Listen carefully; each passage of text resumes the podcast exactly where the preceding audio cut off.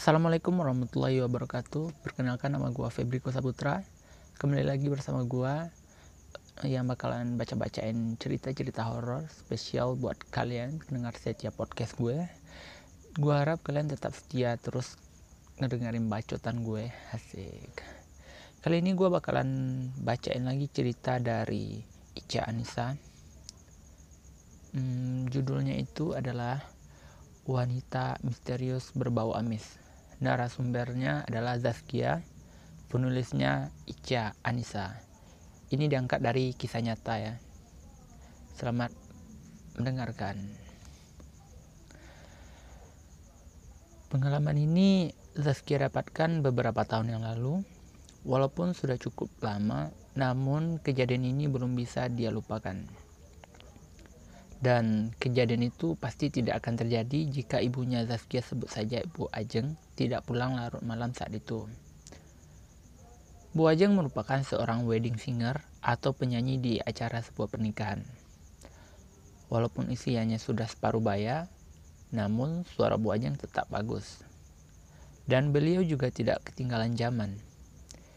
Tidak hanya lagu daerah atau lagu-lagu zaman tempo dulu saja yang bisa dinyanyikan olehnya. Beliau juga sangat hafal lagu-lagu zaman sekarang. Oleh karena itu, Zaskia sangat bangga pada ibunya. Apalagi sang ibu menjadi wedding singer karena ingin membantu suaminya. Sebut saja Pak Bagas. Kalau sedang ada job, Bu Ajeng bisa pulang sampai larut malam. Suatu ketika, Bu Ajeng sedang ada job panggung acara hajatan yang lokasinya lumayan jauh dari daerah tempat tinggalnya. Karena acara hajatannya berlangsung hingga malam hari, beliau pun baru selesai manggung sekitar pukul 23.50 malam. Zaskia sangat ingat sekali jamnya, karena saat itu ada panggilan telepon masuk. Zaskia yang sedang tidur jadi terbangun karena suara daring telepon. Lalu Kemudian suara dering itu mati karena teleponnya sudah diangkat oleh Pak Bagas. Tidak lama kemudian, Zaskia mendengar suara langkah ayahnya menuju kamar Zaskia. Sang ayah mengetuk pintu, lalu berkata, Ibu minta dijemput sekarang, Zas. Pak Bagas mengajak Zaskia untuk ikut, karena Pak Bagas khawatir kalau meninggalkan anak sematawayangnya sendirian di rumah. Mau tidak mau, Zaskia pun menuruti perintah sang ayah. Dan dia berjalan mengikuti ayahnya dengan malas ke dalam mobil. Ketika mereka sudah keluar komplek rumah, Bu Ajeng mengirim SMS. Bu Ajeng memberitahu suaminya lokasi tempat hajatan itu sedang berlangsung. Kebetulan saat itu baik Pak Bagas ataupun Zaskia belum pernah pergi ke daerah itu sama sekali. Jadi mereka berdua hanya menghabiskan waktu berputar-putar mencari jalan. Setelah sempat tersasar beberapa kali, akhirnya Pak Bagas dan Zaskia sampai di jalan tempat Bu Ajeng manggung di acara hajatan. Tapi ada yang aneh dengan daerah itu. Jalan itu tampak berbeda jauh. Lebih menyeramkan daripada jalan-jalan yang mereka lalui.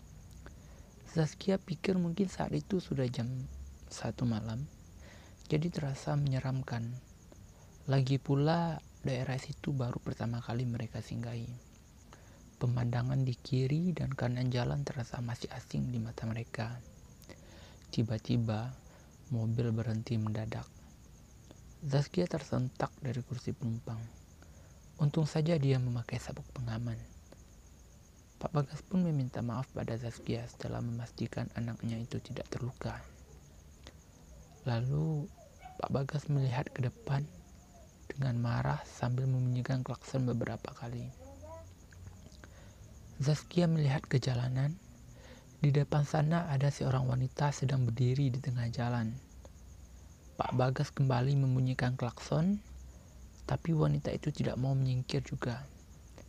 Akhirnya Pak Bagas turun dari mobil sambil bilang pada Zaskia, tetap di mobil, Zas. Jangan ikut keluar, jangan lupa kunci pintu. Zaskia pun menuruti perintah ayahnya. Dari dalam mobil, dia melihat ayahnya berbicara dengan wanita itu. Zaskia memperhatikan penampilan wanita itu. Ia memakai jaket dan daster seperti orang hamil. Ia juga membawa tas jinjing di tangannya. Tiba-tiba, Pak Bagas kembali berjalan ke arah mobil. Wanita itu mengikutinya dengan perlahan di belakang. Zaskia menurunkan kaca jendela dan bertanya, "Kenapa ya?" Dan ayahnya bilang, kita akan mengantar wanita itu dulu sebelum menjemput ibu. Menurut penuturan Pak Bagas, wanita itu tujuannya searah tepat dengan lokasi Bu Ajeng manggung di tempat hajatan. Dia berjalan karena sudah tidak ada lagi kendaraan, karena kasihan Pak Bagas pun menawarinya untuk mengantar sampai ke rumahnya. Pak Bagas membukakan pintu belakang mobil dan dan wanita itu pun masuk dan duduk di belakang Zaskia. Saat itu, Zaskia merasa ada yang aneh dengan wanita itu. Diam-diam Zaskia memperhatikan wanita itu lewat kaca spion. Wajah wanita itu tampak pucat sekali dan perlahan tercium bau amis dari tubuhnya. Makin lama, bau amis yang tercium makin menyengat. Perut Zaskia menjadi mual. Zaskia ingin menyampaikan keluhannya, tapi dia takut wanita itu tersinggung. Jadi Zaskia diam saja sambil memejamkan mata dan mendengarkan musik dari handphonenya. Namun, sekeras apa pun usaha Zaskia untuk mengalihkan perhatian, tetap saja bau amis wanita itu tidak hilang. Bah. Zaskia jadi bertanya-tanya apa ayahnya juga mencium bau ini. Tapi pasti ayahnya juga tak sampai hati untuk memberitahukan hal ini kepada wanita itu. Lalu, tak sengaja mata Zaskia bertemu dengan mata wanita itu di kaca spion. Wanita itu tersenyum dan Zaskia langsung membuang pandangan keluar. Karena ketakutan, mendadak ada yang aneh dengan cara menyetir mobil Pak Bagas. Mobilnya mulai miring ke kiri dan hampir menabrak pembatas jalan. Tak sengaja Zaskia melihat ke arah wanita itu. Wanita itu tertawa keras. Zaskia dan ayahnya segera membaca doa yang mereka hafal untuk mengusirnya. Karena mereka mulai sadar kalau wanita itu bukanlah manusia. Seketika wanita itu terbang menembus atap mobil. Karena terkejut, Pak Bagas langsung menghentikan mobilnya. Saat beliau melihat ke belakang, ternyata wanita itu sudah menghilang. Pak Bagas dan Saskia langsung keluar dari mobil karena tidak tahan dengan bau amis yang masih tercium. Anehnya, di jalan tempat mereka berhenti itu pun tercium bau amis yang sangat menyengat. Mereka berdua masih terdiam di dalam mobil.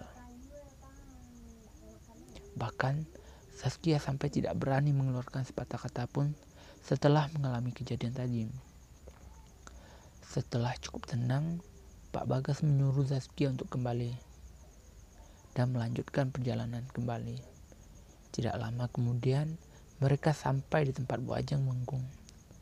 Mereka pun menceritakan apa yang baru saja terjadi. Bahkan para warga juga ikut mendengarkan cerita Pak Bagas dan Zaskia.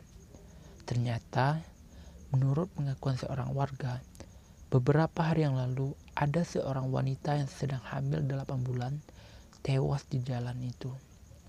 Wanita itu diusir oleh pemilik kontrakan karena hamil di luar nikah dan sudah menunggak kontrakan berbulan-bulan.